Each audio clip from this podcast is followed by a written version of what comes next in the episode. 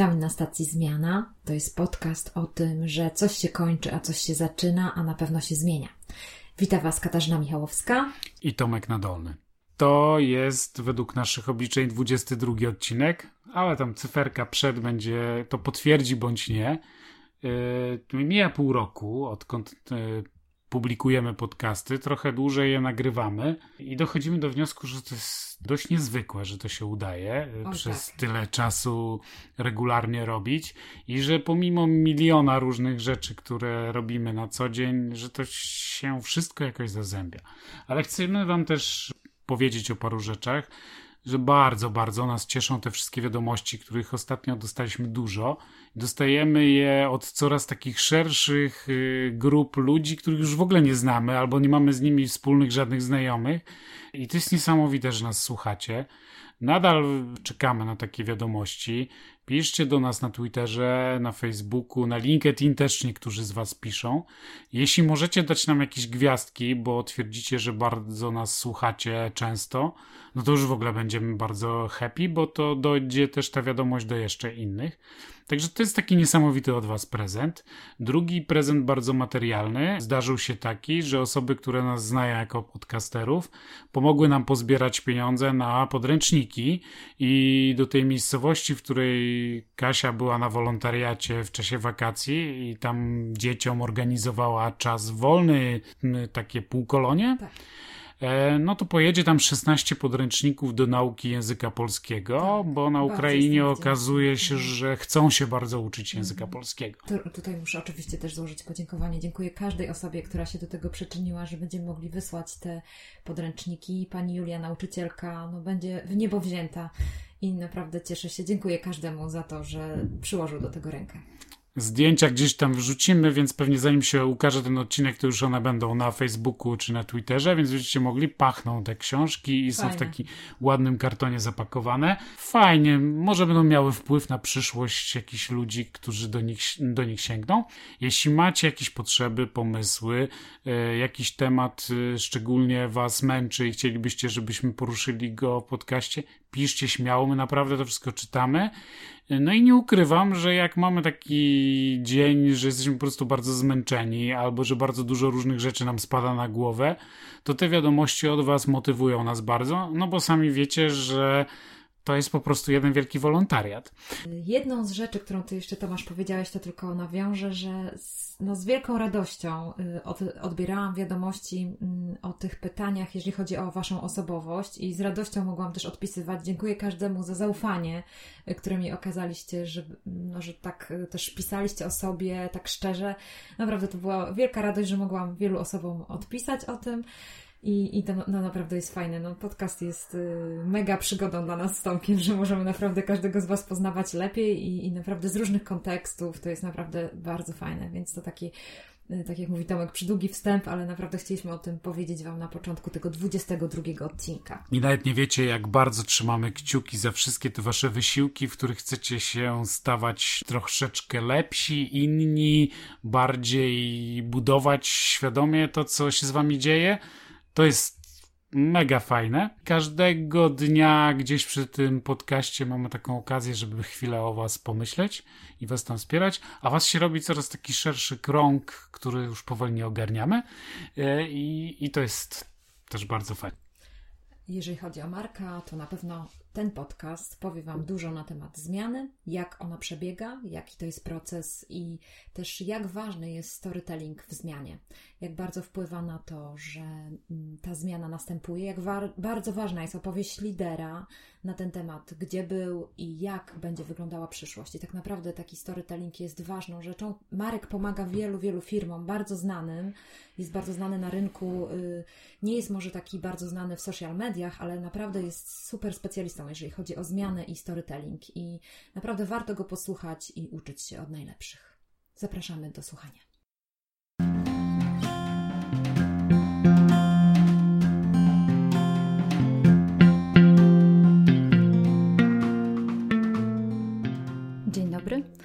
Witam Was na stacji Zmiana, w podcaście, w którym coś się kończy i coś się zaczyna.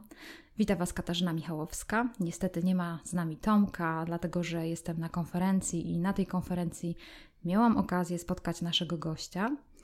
A dzisiejszym gościem jest Marek Stączek, który jest pisarzem, wydał kilka książek, jest szkoleniowcem i chciałabym bardzo, żeby powiedział coś o sobie. Dzień dobry. E, słowo pisarzem jest chyba mocno przesadzone. Jestem e, autorem kilku książek e, z zakresu psychologii w biznesie, natomiast pisarstwo to już jest za wysoka ranga. Zajmuję się prowadzeniem warsztatów przygotowywaniem ludzi do wystąpień, bądź piszę wystąpienia, zajmuję się storytellingiem i twórczym myśleniem. Głównie pracuję z ludźmi w korporacjach i w organizacjach. No i między innymi zajmuję się tematem, e, tematem zmiany. Tak? Tutaj e, to, co Kasia mnie zwabiła na ten temat do rozmowy już od razu rozumiecie to, że stacja zmiana, nie mogłabym zaprosić Marka tutaj na naszą stację zmiana, ze względu na to, że jest specjalistą w tej dziedzinie. Marek, powiedz mi, czy w ogóle można polubić zmianę? Czy to jest możliwe? Czy po prostu w naturze człowieka jest coś takiego, że nie chcemy tej zmiany w życiu, że boimy się jej, że jakoś lękamy? Nawet nasza misja podcastu coś się kończy, coś się zaczyna. No coś trzeba pożegnać, kiedy ta zmiana następuje. Jak myślisz? No ciekawe, właśnie tak jak powiedziałeś, że coś się kończy, coś się zaczyna. Ja sobie pomyślałem, dlaczego nie coś się zaczyna i coś się kończy.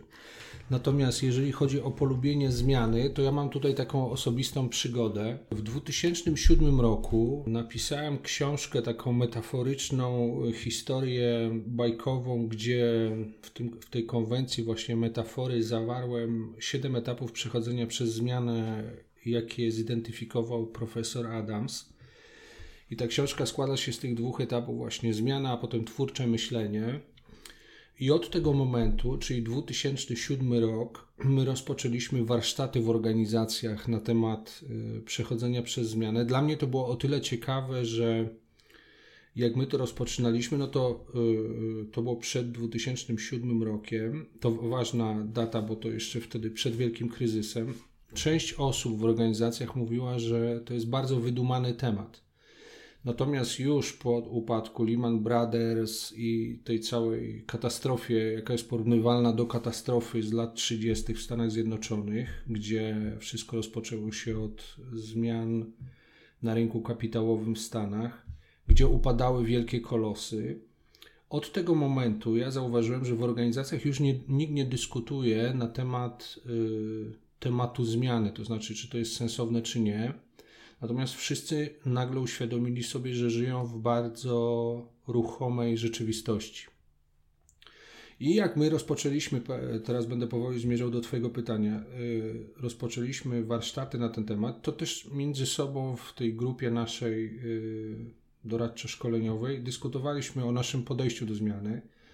I pamiętam taką dyskusję z jednym y, chłopakiem, który powiedział: Ja, jeżeli tak zrobiliśmy sobie takie hipotetyczne, jeżeli budowalibyśmy rzeczywistość i mielibyśmy określić, jaki miałby być współczynnik zmiany i stabilności, to Michał wtedy powiedział: No, ja bym to ustawił tak, że 80% to by była zmienna rzeczywistość, a 20% stała. A ja wtedy mu powiedziałem: A wiesz, że ja zupełnie odwrotnie. To znaczy, ja bym ustawił, że 80%, żeby było stabilnych. I rzeczywiście, tak jak patrzę na siebie, ja jestem bardzo bardziej przywiązany do rzeczy, które są stałe. Na przykład, jak idziemy gdzieś z żoną i z, nas, z naszą Weroniką gdzieś do, do restauracji, to one wiedzą, co ja wezmę. Ja biorę cały czas te same rzeczy. Lubię jeździć w te miejsca, w których byłem już, a na przykład moja żona Małgosia wprost przeciwnie. Ona ma większe zapotrzebowanie na na zmienność, tak? na zapotrzebowanie takie na, na bodźce. I teraz, czy można to polubić? Czyli to był mój punkt startu. Ja musiałem się nauczyć myślenia, takiego jakie mieli na przykład moi znajomi, które mnie dziwiło. Oni mówili, zmiana to znaczy szansa. A ja myślałem, zmiana to znaczy coś, yy, czego ja nie lubię. I stąd między innymi z dużą łatwością było mi napisać książkę na temat zmiany, tak? Bo ja w tym momencie musiałem grzebać w ranie, którą miałem na co dzień, tak? Więc czy można polubić zmianę?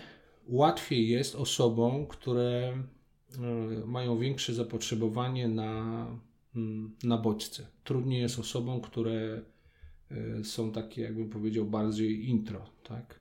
Natomiast ja, jeżeli patrzyłbym na, na swoje życie, chociażby biorąc pod uwagę życie zawodowe, no to musiałem się tego mozolnie uczyć, ale tak patrząc z perspektywy i też z dużym dystansem do, do siebie, to udało mi się wiele rzeczy zrobić poprzez to, że przepracowywałem albo mierzyłem się z nowymi tematami.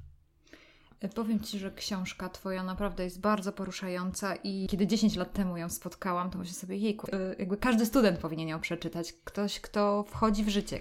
Y, wszystkim naszym słuchaczom za, zalinkujemy też, żebyście mogli dotrzeć do tej książki, bo powiem szczerze, ja polecam wiele ciekawych myśli. Marek, czy mógłbyś właśnie powiedzieć o tych etapach, które, które mhm. są właśnie związane z, ze zmianą? Czy, czy to jest. No to możliwe? już. Powiem tak. Pierwszy etap, y, gdzie się wszystko rozpoczyna, no to jesteśmy w etapie takiej względnej stabilności i zaczynają docierać do nas sygnały, że coś się wokoło zmienia. I nie jest łatwo y, szybko zidentyfikować, że zaszła zmiana, dlatego że działają czy to w jednostce, czy w grupie mechanizmy obronne, tak, które e, blokują dostęp do tego typu informacji. Podam Wam przykład mechanizmów obronnych grupowych. To będzie ciekawy przykład. Te, e, prowadziliśmy dwa lata temu e, cykl szkoleń właśnie związanych z, z funkcjonowaniem w zmianie dla dużej firmy z rynku ubezpieczeń. I ta firma, ona była trzecia na rynku, przeskoczyli w tym roku, gdzie my ich szkoliliśmy, przeskoczyli firmę, która była firmą numer dwa, dużo większą od niej. Oni ze względu na ustawienie dobrych procesów, dobrą kulturę organizacyjną, dobre przywództwo, wyskoczyli wyżej, czyli zajęli drugie miejsce. Za rok mieliśmy szkolenie dla tych, którzy spadli z drugiego miejsca na trzecie. Rozmawiamy na temat zmiany ja mówię o tym etapie stabilności i jak chronimy się przed, przed informacjami, które mówią coś konfrontującego na nasz temat. I jedna z pani, no to ona była pani z PR-u, powiedziała: A wiecie, co się stało, jak w, w tamtym roku straciliśmy drugie miejsce? Nasz zarząd wyjechał na 14 piętro, zamknęli się w swojej sali, zrobili naradę, co mają zrobić, potem wezwali nas z PR-u i powiedzieli, że mamy przygotować komunikat do ludzi w organizacji, że to nieprawda, że straciliśmy drugie miejsce. My mamy dalej drugie miejsce, tylko że ktoś przestawił kryteria. Czyli zwróćcie uwagę, jak y, groteskowa i śmieszna sytuacja. Ci ludzie z zarządu tej organizacji nie byli w stanie zmierzyć się z tym, że rzeczywistość się zmieniła. Oni wylądowali na trzecim miejscu ale oni nie mogli się pogodzić z tym, no i zaczęli wypracowywać tę tą całą ideologię, żeby obronić swoje status quo. Czyli pierwszy etap to jest etap taki, gdzie jesteśmy w jakiejś stabilnej sytuacji i dookoła nas się coś zaczyna zmieniać, czyli gdzieś zachodzi zmiana i zmiana ma to do siebie, te, jakby to powiedzieć, siły zmiany, że w którymś momencie są na początku pomniejszam to, tak? Mówię, no, nic wielkiego się nie stało. Potem e, uruchamia się myślenie pod tytułem jakoś to będzie, to przejdzie, to jest chwilowe. E, a potem no, rzeczywistość po prostu napiera na nas coraz bardziej i wpadam w ten e, nie, nieprzyjemny okres, to znaczy kryzys, tak? Rzeczywistość siada mi już na, tak byśmy powiedzieli kolokwialnie, na klatę i dociska mnie kolankiem, tak? I mówi: Musisz coś z tym zrobić. I wtedy wchodzę w fazę kryzysu, gdzie konfrontuję się z całą sytuacją, i kryzys ma to do siebie, że ja przynajmniej staram się mieć taką definicję kryzysu, że to jest, mówię, błogosławiony kryzys, w sensie, że kryzys przynosi nam diagnozę sytuacji, w jakiej jesteśmy. No i wtedy ja już muszę się zmierzyć z tym, e, w jakiej sytuacji się znalazłem, tak? Lub jak funkcjonuję jako człowiek tak? lub jak funkcjonujemy jako grupa społeczna czy organizacja. Czyli kryzys dostarcza nam, e, jakby to powiedzieć, o, w pewien sposób opis sytuacji, z którym my, my musimy coś zrobić, tak?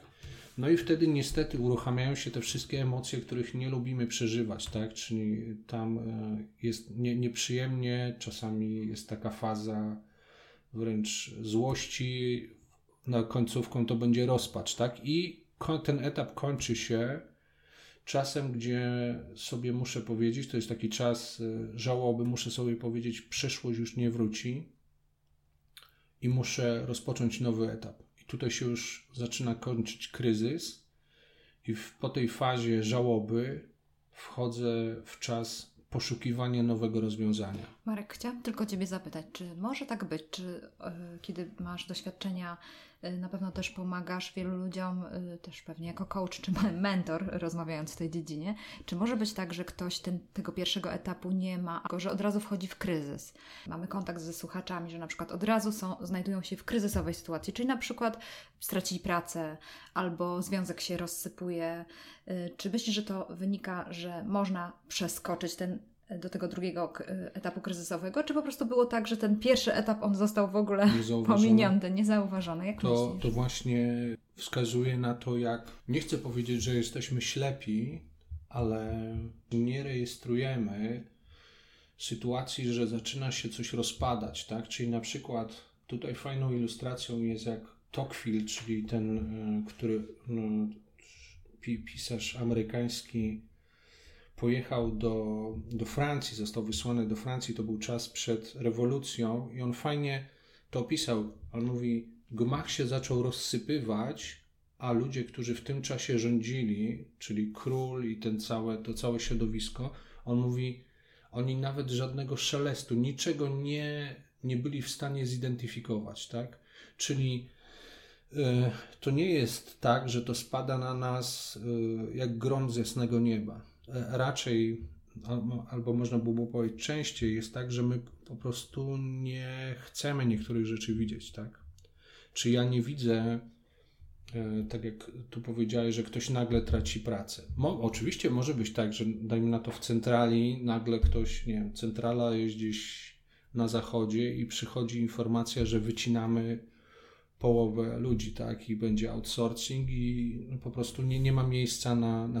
Może tak być ale często jest tak, że po prostu ludzie są w organizacji i nie rejestrują, że wokoło nich już się zaczyna coś dziać. To znaczy, e, ranga tego człowieka zaczyna spadać, tak? Już ludzie, już menadżer mu nie mówi wprost, bo już zdaje sobie sprawę, że to jest bez sensu, tak? Wokoło niego już się zaczyna coś dziać, a on tego nie rejestruje. E, podobna rzecz e, w związkach, tak?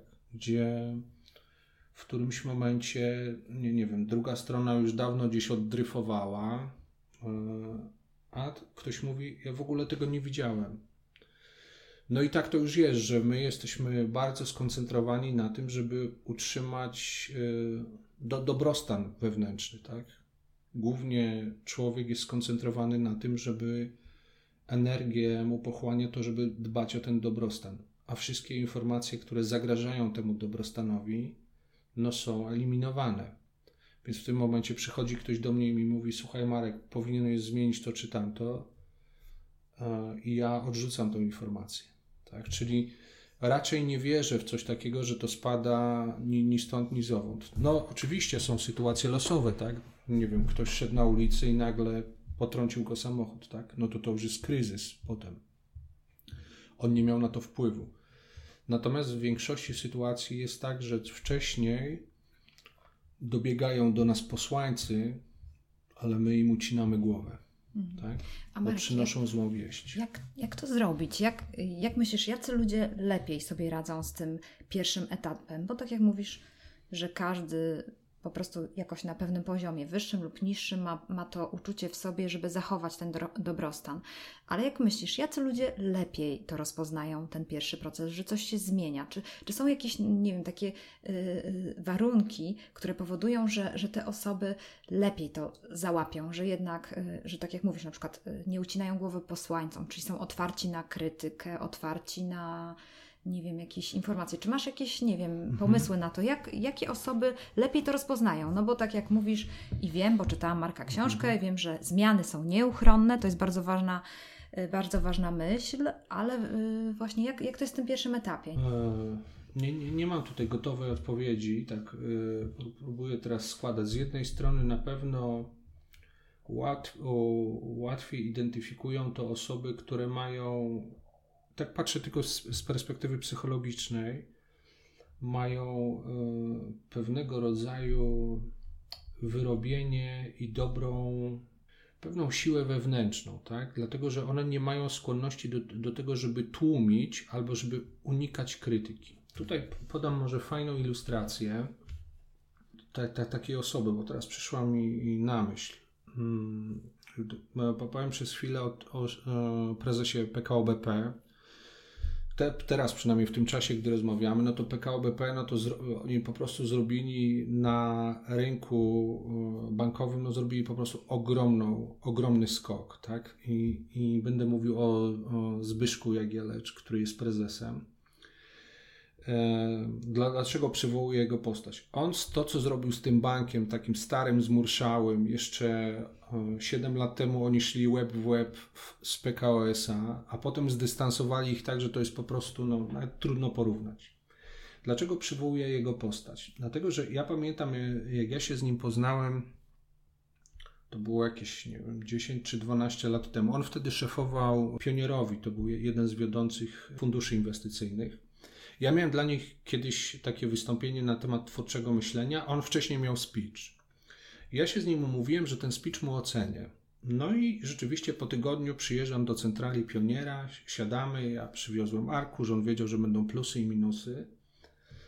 No i on zrobił coś, co mnie zaskoczyło, dlatego że do pomieszczenia zarządu zaprosił dwóch młodszych członków zarządu, żeby w ich obecności jego ocenić. Ja sobie wtedy pomyślałem, mało kogo stać na taką odwagę do, powiem, do tej pory jeszcze nie spotkałem się z takim podejściem, a już to od tego czasu upłynęło trochę czasu.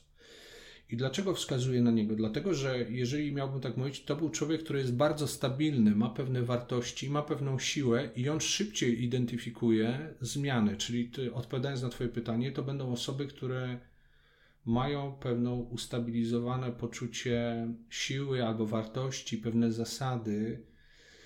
I to będzie pierwsza grupa na pewno szybciej identyfikuje takie mm, niepokojące sygnały z zewnątrz osoba, która jest lękowa, ale nie wiadomo, czy ona to przetworzy i cokolwiek z nimi zrobi. To już jest temat bardziej dla mojej żony, tak?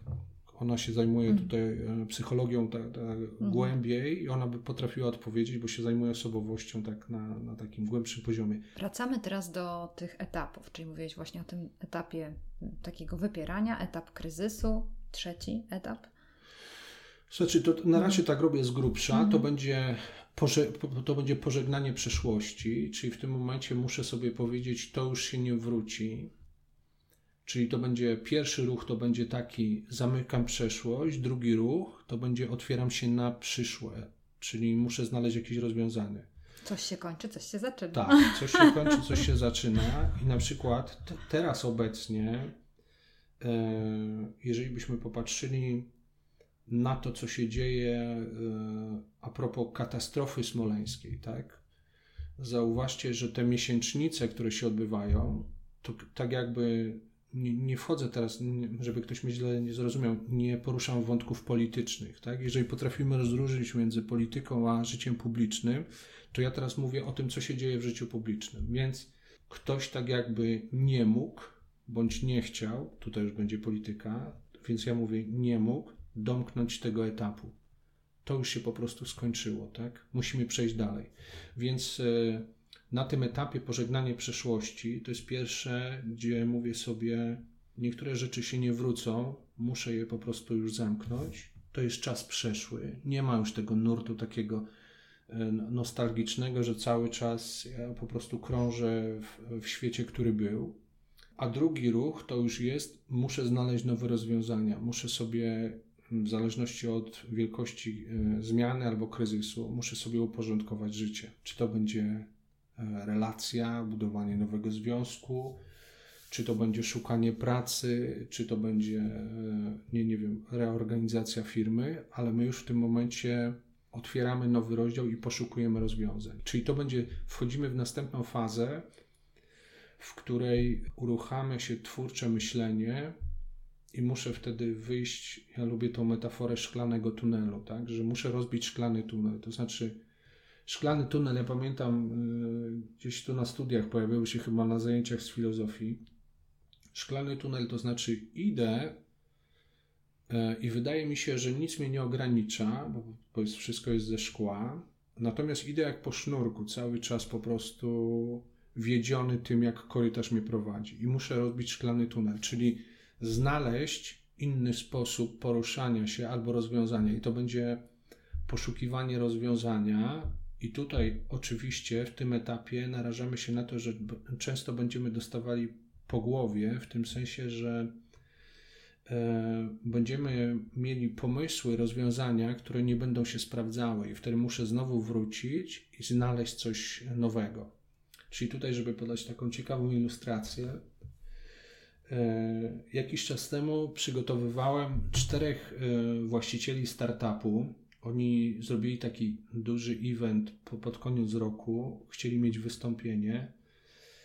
E, no może startup to już jest zła nazwa, bo oni mm, w ostatnim roku zatrudnili 450 osób, czyli to już jest duża organizacja. Wynajęli jakiś hangar na 900 osób i chcieli mieć speech. No i razem pracowaliśmy nad E, nad ich wystąpieniem. I ja im zaproponowałem, żeby każdy z nich powiedział o, jednej, o jednym pomyśle, na który wpadli kiedyś i jakie były koleje tego pomysłu. Tak? I oni mówili po prostu o swoich porażkach. Tak? Dopiero pod koniec, w tej fazie, gdzie ja ich spotkałem, no to oni już zbudowali organizację taką, która ma już zasięg międzynarodowy, ale wcześniej to był okres po prostu, cytując Churchilla, krew, pot i łzy. Czyli jesteśmy w tym okresie, gdzie widzimy, że stare strategie albo sposoby już nie działają i muszę znaleźć nowe rozwiązanie. I to jest ten okres takiego przyspieszonego uczenia się, to jest pozytywne, a negatywne ponosimy tego koszty. Tak? Czyli w tym momencie musimy się uczyć i zaliczamy wpadki. Co dalej? Gdy rozbijemy no szklany tunel. Gdy rozbijamy szklany tunel, zaczynamy się e, testować nowe sposoby albo nowe rozwiązania i uczymy się. Często mamy z tym trudność. To, tutaj mam taką ilustrację, która już pewnie będzie dla wielu słuchaczy abstrakcyjna, ale ja pamiętam, jak był czas, gdzie nie wszyscy mieli komputery w domu i pocztę e, elektroniczną i były takie tak zwane kafejki, gdzie można było chodzić i korzystać z komputera. Pamiętam, że wtedy poczta wpadła na taki pomysł, żeby zrobić u siebie punkt, gdzie można by było przyjść i wysłać maila. Ale to było, mm, to było przedłużenie ich myślenia, tak? Oni myśleli, my jesteśmy pocztą, do nas ktoś musi przyjść i nadać przesyłkę, tak? A świat już szedł w zupełnie inną stronę. I to pokazuje, jak często mamy problem, żeby oderwać się od rozwiązań, sposobów, pewnych heurystyk, które są dla nas naturalne i znaleźć nowe rozwiązanie. Fajnym przykładem tutaj jest, e, szukano sposobu na to, żeby ludzi niewidomych udostępnić im całą literaturę, czyli żeby oni mogli czytać i jednocześnie pisać. I tutaj mówię o piśmie Braille'a. Jeżeli byśmy popatrzyli na początek i ta niezdolność do wyrwania się ze szklanego tunelu, no to początki to były takie, że ktoś brał litery i one były tak jakby przestrzenne, tak? Czyli ktoś wodził palcem po tym całym A, potem wodził palcem po C i to był początek, tak? Ale dla mnie, z mojej perspektywy, jak chodzi o, o rozwój pomysłu, tak? Jak ludzie pracują nad rozwojem pomysłu, to właśnie było to niezdarne wyrywanie się ze szklanego tunelu. Ja znam te sposoby i zrobię coś podobnego. Jest ta litera na kartce, a ja ją zrobię, że to będzie taki klocek i on sobie będzie sunął po tym palcem, a dopiero potem były kropki, tak? No i takich przykładów można by było wiele pokazywać, ale one mówią jedno, że mamy problem mm, z oderwaniem się e, od rozwiązań, które już znamy, tak? A jeżeli pojawi się jakiś innowator w naszym środowisku, to bardzo często będzie zlinczowany. Po prostu e, jego idea po prostu będzie mm, no po prostu odrzucona. Tak, i tutaj, tutaj taką ciekawostkę powiem. Kiedyś robiono badania na temat ludzi, którzy pracują w instytutach dotyczących e, innowacji i zrobiono, na, e, zrobiono ankietę wśród tych ludzi, co im przeszkadza w tworzeniu nowych rozwiązań. Nie pamiętam już dokładnie, ile wymienili przeszkód, ale pamiętam, że przeszkodą numer 3 było: Moja instytucja nie jest zainteresowana, żebym zgłaszał nowe pomysły. To nieprawdopodobne. Czyli instytucje, które były powołane do tworzenia nowych rozwiązań, mimo wszystko tam też było ciążenie ku status quo. A jeśli, jeśli by było tak, że wśród naszych słuchaczy jest jakiś innowator, to zastanawia mnie to, czy w ogóle masz takie przykłady, że innowatorzy nauczyli się komunikować swoje pomysły, czy innowatorzy potrzebują kogoś innego, kto wykomunikuje ich pomysły, albo może innowatorzy znaleźli jakiś inny sposób, żeby jednak, no bo tak jak mówisz, są startupy, tak. Jednak firmy wychodzą z kryzysu, ludzie jakoś sobie radzą. Jak to zrobić, żeby tutaj y, ta mhm. zmiana nastąpiła, prawda? Żeby, no bo jednak ten innowator, na pewno on tutaj widzi więcej, jakoś, ma, no pewnie jest wizyjny, pewnie jakoś lepiej widzi przyszłość, lepiej widzi też te może możliwości. Jak teraz on miałby to wykomunikować, prawda? To, co mówimy, to w psychologii twórczości mówi się o taki, mówiło się o takich trzech P. Znaczy, analizując zjawisko tworzenia, no to tak, powiedziano, pierwsze P to był produkt, tak? Czyli jaki produkt, wytwór możemy nazwać, że on jest innowacyjny albo twórczy. Druga, drugi etap to było person, osoba. Jakimi cechami musi charakteryzować się człowiek, żeby być twórczy? Potem było proces, czyli co się dzieje z człowiekiem w trakcie twórczego procesu. I na koniec było pres, czyli środowisko, jakie środowisko wyzwala u ludzi taki ciąg do tworzenia nowych rzeczy. I zamknięto te, te 4P i w którymś momencie zdano sobie sprawę, że te 4P nie do końca opisują całość tego zjawiska. I to jest to, czym ty powiedziałeś. Dopisano piąte P, perswazja, to znaczy zdolność do przekonywania na temat swoich rozwiązań. No i jest tak, że są ludzie, którzy E, są zakochani w swoich dziełach i w swoim tworzeniu i nie przedostają się dalej z różnych przyczyn, no i tam albo są w stanie być zadowoleni, zadowoleni z tego, że tylko i wyłącznie tworzą, albo pogrążają się w żółci, tak? E, czyli są ludzie, którzy na przykład byśmy tutaj wzięli, nie wiem, wielkiego Van Gogha, który tworzył i w swoim czasie umarł w biedzie, tak? Czyli tworzył genialne rzeczy, ale nie przedostał się do przestrzeni społecznej, tak? A można by było podać przykład Otisa, czyli to będzie początek y, y, rozwiązań związanych z tym, że wstawiano windy i problem polegał na tym, że ludzie bali się jeździć windami, bo po prostu zakładali, że to za chwilę spadnie i zginą. I on wiedział, że nie jest w stanie przedostać się i przekonać do swojego pomysłu, a już mieli rozwiązania. No i co zrobił? Na wielkich targach ustawili windę, ona wyjechała tam na jakiś poziom, nie wiem, drugiego, trzeciego piętra. On wziął siekierę, przeciął linę, winda zaczęła się osuwać w dół i się zatrzymała. Czyli co on zrobił? On miał produkt, tak? a jednocześnie uczył się następne P, perswazja, czyli przekonywanie do swojego produktu. No i, yy, no i to jest tak, że czasami przejmuje to dział marketingu albo przejmuje to jakaś inna osoba, żeby o tym opowiadać, a czasami jest tak, że trzeba to zrobić e, samodzielnie, tak?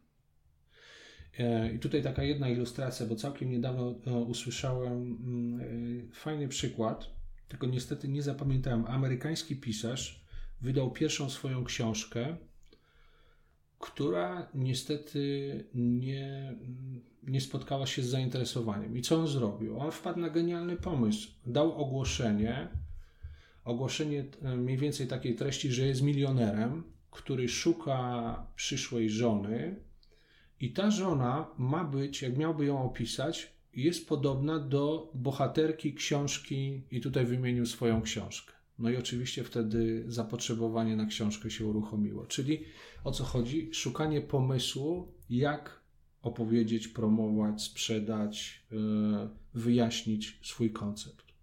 Bardzo, bardzo zachęcające, Marek, zwłaszcza, że y, to, co powiedziałeś, jest cenne na temat tej żółci, że y, taka, taka, taki głos do naszych czytelników, żeby osoby, które są innowatorami, które widzą więcej, które poszukują i inspirują się i gdzieś tam lubią te zmiany i coś powiedzieć, że można zmienić, żeby się nie zniechęcały. Więc tutaj chodzi o to, żeby szukały może jakiejś pomocy, może, może jakoś do teamu kogoś włączyć, kto po prostu pomógłby może im właśnie zakomunikować, ten, zrobić tą perswazję, tak jak mówisz, czyli te następne P dołączyć, że jest to też ważne, jakby ten PR tego mojego pomysłu, żeby takimi słowami powiedzieć, żeby to zostało zrozumiane, na przykład w organizacji, bo wydaje mi się, że czasami może tak być, że innowatorzy, to znaczy widzę to w dziale IT, w ogóle wiesz, w takich e, dziedzinach nowych technologii, też sama Wiem, że mam mm, taki język, który może nie być koniecznie zrozumiany y, gdzieś w organizacji, a widzę tą przestrzeń, że można by było to lepiej rozwiązać y, działaniami IT.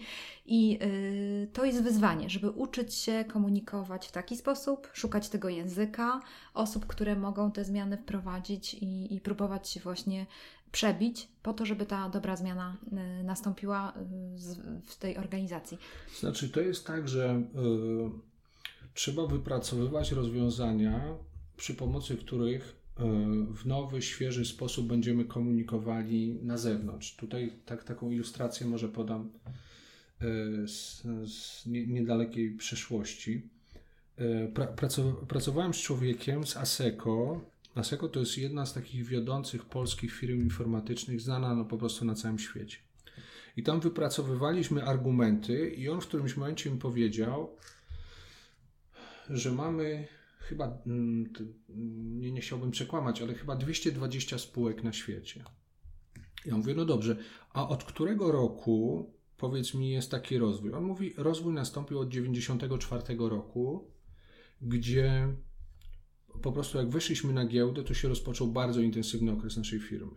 Ja mówię, no to dobrze, to spróbujmy teraz ten od 94 roku, ile to było miesięcy, tak? Podzielmy te 220 spółek i wyszło nam, że w przeciągu miesiąca powstają dwie spółki Waseko. Ja mówię, mamy świetny komunikat teraz. To znaczy, jaka jest jednostka miary ASECO? Dwie spółki w przeciągu miesiąca. 30 dni i tworzymy bądź kupujemy dwie spółki na świecie. I to już jest komunikat, który jest ciekawy, oryginalny, intrygujący, tak? Albo na przykład, jak pamiętam tą całą naszą rozmowę, w którymś momencie mówię, słuchaj, a dlaczego tak jest, że to ASECO się tak bardzo intensywnie rozwija? Bo on mi opowiedział, że chyba tylko 20 firm ze świata wysyła oprogramowanie w kosmos. On mówi, wiesz, chyba wszystko yy, pochodzi od tego ich właściciel Gural, tak?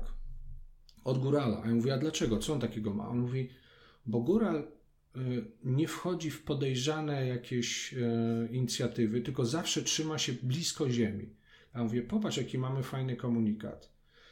Sekretem ASECO jest to, że Góral się trzyma zawsze blisko ziemi, ale jesteśmy jedną z firm, która wysyła oprogramowanie w kosmos. I to już jest zagranie fajne, że jakby to, powiedzieć, grą y, dwóch terminów, trzymanie się ziemi, wysyłanie w kosmos, ale to już jest coś oryginalnego, tak? I zobaczmy, że nawet tak duże organizacje, tak, które się rozwinęły tak mocno jak ta firma, potrzebują cały czas e, e, tworzenia komunikatów, żeby przekonywać do, do siebie. Od razu chcę tutaj, że tak powiem, powiedzieć kilka słów na temat Marka, ponieważ Marek ostatnio napisał też, no kilka lat temu napisał też książkę o storytellingu. Polecamy właśnie o tym, mm, o narracji, jak można prowadzić narrację i to jest właśnie jeden z przykład fajnej narracji i rozumiem, że właśnie w tej książce nie miałam okazji jeszcze jej przeczytać, na pewno ją przeczytam i na pewno ją zalinkujemy również w naszym materiale.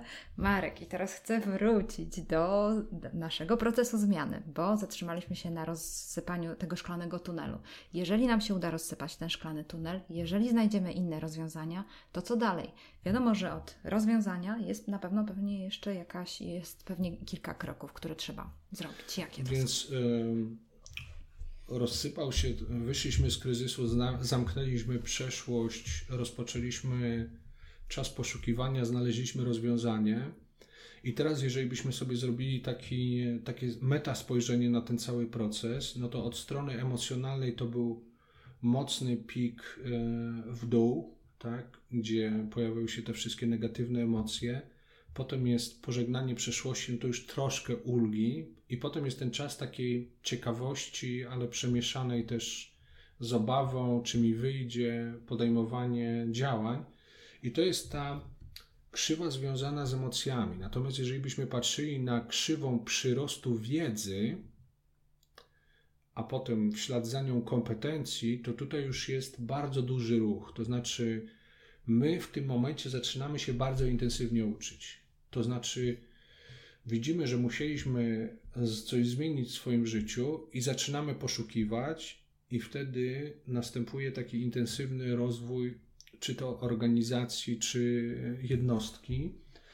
No i po znalezieniu rozwiązania, to już jest tylko i wyłącznie kwestia, jakby to powiedzieć, przećwiczenia, gdzie wchodzę w tą fazę, to będzie ostatnia faza przechodzenia przez zmianę, gdzie dane rozwiązanie albo dany sposób staje się fragmentem mnie samego, czyli zaczynam już to robić w sposób zupełnie nieświadomy.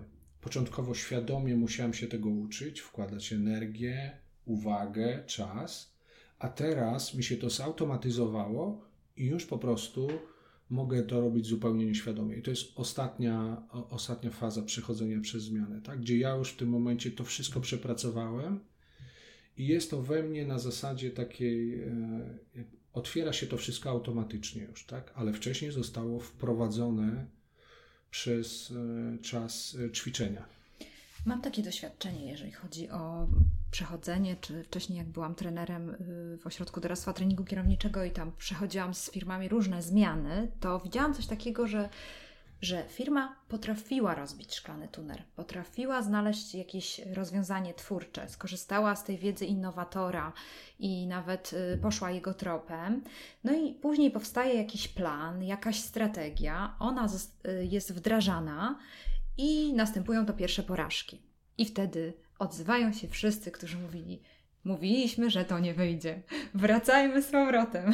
Zbudujmy na nowo ten szklany tunel. Tam te rozwiązania działały. Mhm. Czy to jest takie naturalne? Czy to zazwyczaj na, y, następuje w takim procesie zmiany? Czy y, jak to? Oni się, rzeczywiście, oni się uruchamiają w czasie, ci, a nie mówiłem, oni się uruchamiają w czasie poszukiwania i gdzie nie widać jeszcze, e,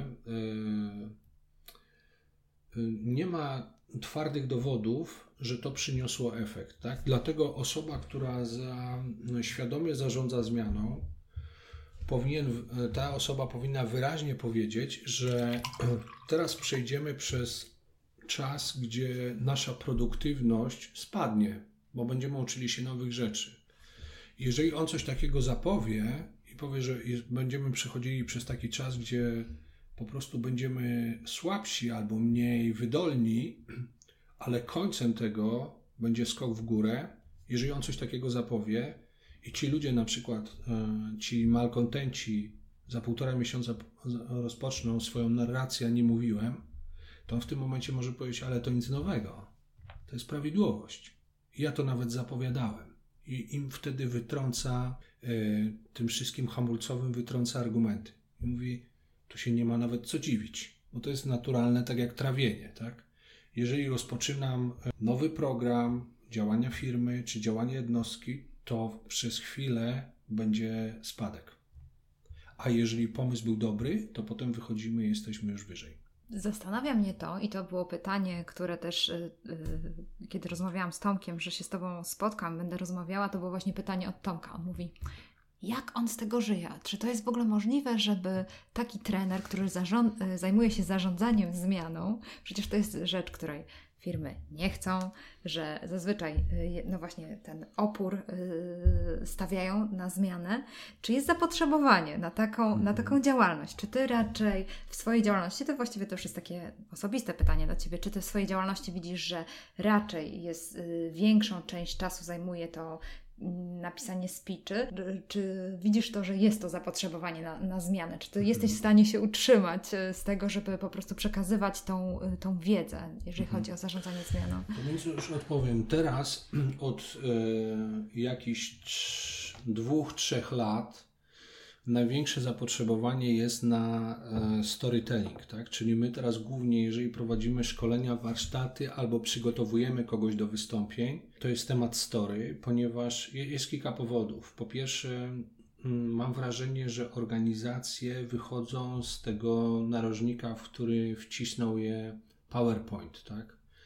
Czyli te wszystkie prezentacje PowerPoint, które nie mają ani power, ani point, Natomiast y, jeżeli ludzi nauczy się opowiadania historii, to w tym momencie coś się zaczyna dziać na styku publiczność-mówca i story, czy jak my to mówimy, story czyni różnicę. Czyli ludzie teraz zauważyli, że jeżeli zaczną stosować te sposoby, czy to będzie sprzedaż, czyli story selling, sprzedawanie produktów usług przy pomocy historii, czy wystąpienia menedżerskie czy wystąpienia na konferencji, to wtedy e, coś się zaczyna dziać. Czyli największe zapotrzebowanie teraz mamy, e, jeżeli chodzi o samostory. Czyli coś, co się działo na zachodzie, tak? Jeżeli byśmy popatrzyli sobie, dajmy na to, weszlibyśmy na ten wielki portal TED.com, tak? I te wszystkie wystąpienia, to większość tam to są wystąpienia w oparciu o historię. Do Polski to dopiero wchodzi, chociaż zdaję sobie sprawę, że to, co teraz mówię, jest dość karkołomne, dlatego że opowiadanie historii to jest pierwotny język. Tak? To jest pierwotny język, tutaj nie ma, to jest nihil nowi. Można było powiedzieć, że teraz to jest wyciągnięte troszkę na wyższy poziom, dlatego że mamy teraz jedna rzecz. Rozwija się psychologia narracji, która mówi nam, jak narracje działają na ludzi. Mamy więcej wiedzy na temat, jak składać historię, Natomiast sam ten język to jest po prostu pierwotny język człowieka. Przekazywanie sobie wiedzy przy pomocy historii. Dlatego ja, yy, zdając sobie sprawę, że mnie się udało, na to pierwsza książka ze storytellingu autora polskiego to była moja książka, ale yy, staram się mieć dystans do samego siebie, bo tak jak pamiętam w jednej organizacji rozmawiałem, chcieliśmy ich namówić, żeby kupili warsztaty ze storytellingu, a jedna pani powiedziała, proszę pana, pan się spóźnił, bo był e, rok temu Brytyjczyk, który był wynalazcą storytellingu. Ja sobie pomyślałem, trzeba mieć naprawdę wielkie, dobre samopoczucie, żeby siebie nazywać wynalazcą storytellingu i dużą naiwność, żeby w to uwierzyć. E, natomiast ja uważam, że to jest po prostu stara metoda, teraz została podniesiona na wyższy poziom, no i teraz ludzie zaczynają z tego korzystać, tak? Więc najwięcej teraz e, mówimy o story, a jeżeli miałbym odwołać się teraz do story i zmiany, to osobiście nie widzę lepszego sposobu na zachęcanie, inspirowanie ludzi do zmiany jak storytelling. To znaczy, jeżeli wychodzi, dajmy na to, szef i zaczyna opowiadać historię, na przykład jak się czegoś uczył, jeżeli to będzie historia jeszcze związana z jego wpadką, no to w tym momencie wpływ tego człowieka na zespół jest nieprawdopodobnie duży. Tak? Jeżeli on wychodzi, tutaj sobie przypominam taką sytuację, jeden z szefów w Bajerze przygotował się do wystąpienia, a ja mu powiedziałem, Paweł, no to był taki odważny człowiek, Paweł Łupiński, mówię, Paweł, oprzyj swój speech na trzech swoich największych wpadkach biznesowych i czego się z nich nauczyłeś. Wiecie, ja byłem na tym wystąpieniu, ale nigdy nie miałem takiej ciszy na warsztacie jak on wtedy to był odważny, przełomowy speech dla, dla, dla tych ludzi. Więc jeżeli nauczy się liderów czy menadżerów opowiadania historii, gdzie oni będą również mówili o swoich wpadkach, to wtedy uruchamia się proces zmiany, bo ludzie mierzą się z niektórymi rzeczami, rodzi się w nich odwaga i chęć skorzystania. Więc jeżeli pytasz teraz, czy z samej zmiany y, bym się utrzymał, to bym się nie utrzymał, tak?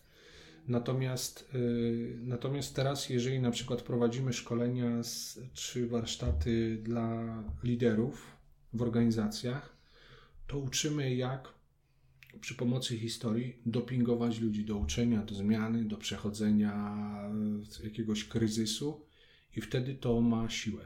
Tak? To, co mówisz, od razu mi przypomina mm, takie y, spotkania, które się nazywają fakapy. Bardzo dużo ludzi na nie przychodzi i to są spotkania takich y, startupowców, który, którzy opowiadają o tym, co im się nie udało, więc no widać, że można się dużo z tego nauczyć, ale wydaje mi się, że trzeba być specyficzną osobą, zwłaszcza kiedy myślę sobie o kadrze menedżerskiej, tak 50+, plus, którzy całe życie swoje ukrywali swoje e, wpadki, no jest to trudna, trudne zadanie, trudne, trudne wezwanie stawiasz e, liderom. Powiedziała, żeby powiedzieli o tym, gdzie upadli, gdzie coś im się nie udało. Wydaje mi się, że to jest nawet wow. Raczej uważam, że nie stawiam trudnego za zadania, tylko staram siebie, ale też nie, nie chcę tam, e, że tak powiem, patrzeć z pozycji sędziego, więc siebie i innych uchronić przed śmiesznością. Dlatego, że jest śmiesznym, jeżeli ktoś wychodzi na środek i zaczyna się puszyć. To jest naprawdę, to jest karykaturalna, śmieszna postać. Przypominam sobie taką sytuację, żeby to dobrze zobrazować. W Warszawie jest takie stowarzyszenie Executive Club i w tym stowarzyszeniu, to jest taki klub przywódczy, tam trafiasz, gdy jesteś prezesem dużej firmy albo właścicielem i ja tam trafiłem, czyli to będzie historia o chłopaku w krótkich spodenkach, czyli o mnie. Ja tam trafiłem, bo kiedyś prowadziliśmy projekt dla Oracla i Oracle kupił moje książki z wystąpień publicznych i tam każda, każdy z uczestników dostał książkę, a ja tam się po, po prostu pojawiłem jako taka osoba od wystąpień. I e, wszystko było o przywództwie. E, otwierające wystąpienie kryzys przywództwa miał już były prezydent Kwaśniewski, potem był panel dyskusyjny, gdzie był profesor Koźmiński, e, profesor Belka, no wielkie, wielkie głowy. Ale całe wystąp- e, całą konferencję otwierał prezes jednej firmy informatycznej. Taki chłopak, może 40 lat, wyszedł na środek i mówi: Mówimy o przywództwie. Ja tak myślę o sobie, że jestem charyzmatycznym przywódcą. I tak przede mną siedział e, prezydent Kwaśniewski i profesor Koźmiński. Oni tak tylko popatrzyli na siebie tak z politowaniem, głową tak pokiwali i to mi wystarczyło za komentarz. Śmieszność. Po prostu to jest śmieszność. I ja myślę, że my się ratujemy przed śmiesznością i budujemy dystans do samego siebie, gdy zaczynamy opowiadać historię, gdzie sami czegoś się uczyliśmy. Czyli dobrze mi to robi na własną głowę, a z drugiej strony pokazuje ludziom, że ten, kto mówi, jest taki sam jak ja, i wtedy uwalnia się jakby taki ciąg do tego, chcę skorzystać z jego rozwiązań. Czyli podam tutaj taką ilustrację.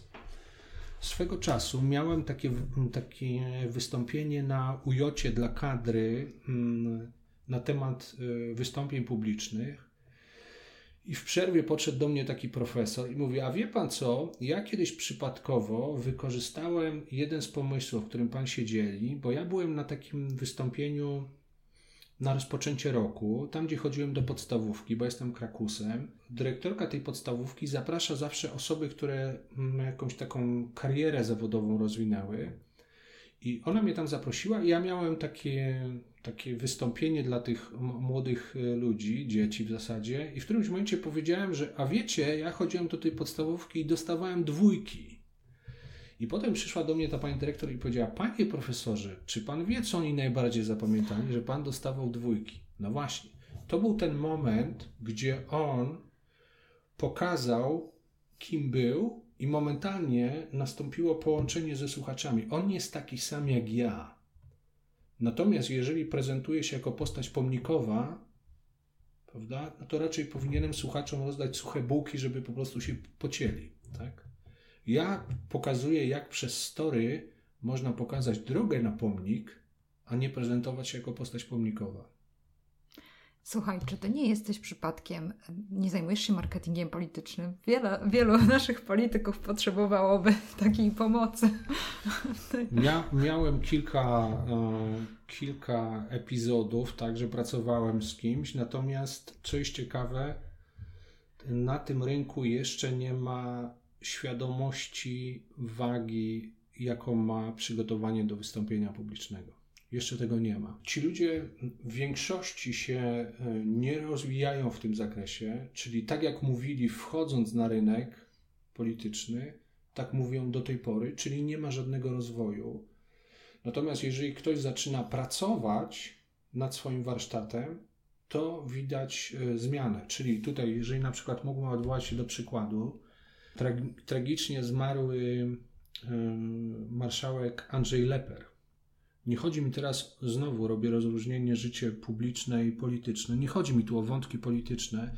Jeżeli sobie tak zupełnie obiektywnie popatrzymy na rozwój człowieka i przypomnimy sobie, że to był, przypomnimy sobie tego rolnika, który został wyciągnięty z wiejskiego życia, ten pucułowaty człowiek, który spocony stawał przed kamerą, a potem zobaczymy sobie tego człowieka. Mniejsze o poglądy, mniejsze o charakter, ale pracę, którą on wykonał, jeżeli sobie przyrównamy do wielu tych, którzy mają bardzo dobre samopoczucie na swój temat, to on zrobił po prostu kosmiczny skok. Kosmiczny skok. E, czyli e, u nas na razie tego nie ma. Natomiast e, tu, tutaj podam taki fajny przykład. Kiedyś e, siedzę właśnie z, z jedną posłanką, rozmawiamy na temat wystąpień publicznych i ona mi mówiła, wie pan, panie Marku, w 2000, już nie pamiętam którym roku, miał wystąpienie w, w Warszawie Bill Clinton i było takie zamknięte spotkanie z nim w Mariocie. Ja byłam na tym spotkaniu i on na to spotkanie się spóźnił, a potem miał bardzo błyskotliwy speech. I ona mi powiedziała, ale nie to najbardziej pamiętam, ale najbardziej pamiętam to, że po tym całym wydarzeniu spotkałem się z moim znajomym, który zarządzał tym całym eventem i on mi powiedział, wiesz co, to nieprawda, że Clinton się spóźnił. Clinton był w hotelu, on siedział zamknięty w pokoju i ćwiczył wystąpienie. I ta kobieta mówi mi, i ja byłam, panie Marku, w szoku, bo pomyślałem sobie, jak to człowiek, który stoi na czele największego państwa na świecie, ćwiczy wystąpienie dla nas, polityków z szóstego rzędu. No właśnie, czyli w tym momencie mamy już odpowiedź, dlaczego jak na przykład przyjeżdża ktoś z zachodu, to miło się tego słucha, a dlaczego jest takie rzężenie, jak słuchamy naszych polityków.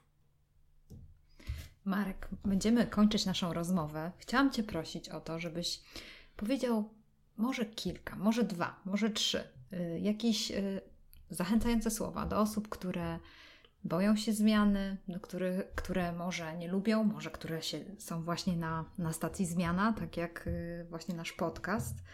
Może masz jakieś takie złote myśli, rady, y, jakieś pomysły, które pomogą ludziom przejść przez taki proces zmiany?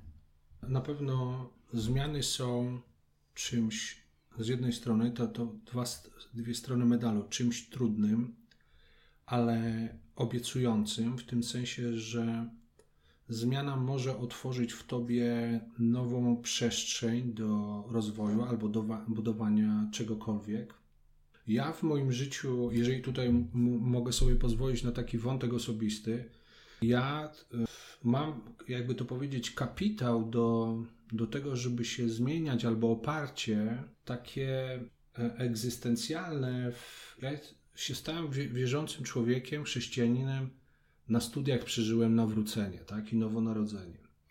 I dla mnie mm, ten kapitał, który mam w relacji z osobowym Bogiem, to jest taka siła do tego, żeby mierzyć się z niektórymi rzeczami. Ja nie jestem żadnym herosem, tak? Ja, jeżeli tutaj obok mnie siedziałaby moja żona i zaczęłaby mówić, z jakimi rzeczami ja powinienem się zmierzyć, to słuchajcie, to by cztery audycje, lekko.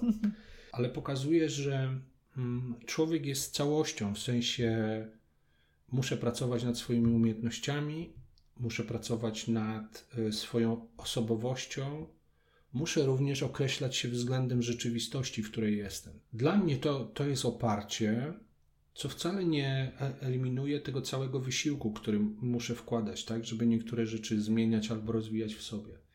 Więc powiedziałbym, że. Yy, jeżeli miałbym dać jakieś porady, to bym powiedział, to jest pierwsza porada. Warto jest zadać sobie kluczowe pytania w życiu, bo nie jesteśmy w stanie od tego uciec, tak? Druga taka moja sugestia to by była taka, żeby uwierzyć, że jest coś po drugiej stronie, tak? Że nawet jeżeli znajduję się w tej bardzo trudnej sytuacji, to może będzie czas, że kiedyś będę siedział przy kawie, tak? I sobie pomyślę, było warto, tak? Było warto przejść przez ten cały kocioł, E, żeby teraz być w takim punkcie. Dziękuję Ci bardzo, szczególnie za ten wątek osobisty i że jesteś gotowy, żeby coś więcej o sobie powiedzieć. To jest, wydaje mi się, najbardziej cenne. Tak jak sam powiedziałeś, buduje tą relację ze słuchaczem. Dziękujemy bardzo, Marek, za, za te myśli. Zachęcam wszystkich do zajrzenia. Y, jestem fanką naprawdę książki Marka o krasnalach. Y, brzmi może zachęcająco, może dziecięco, ale naprawdę zawiera wiele ciekawych myśli. Zachęcam Was do lajkowania, szerowania. Jeżeli ta audycja podoba Wam się, to przekażcie ją dalej. Dziękuję, Marek. Dziękuję i życzę Wam wszystkiego co dobre.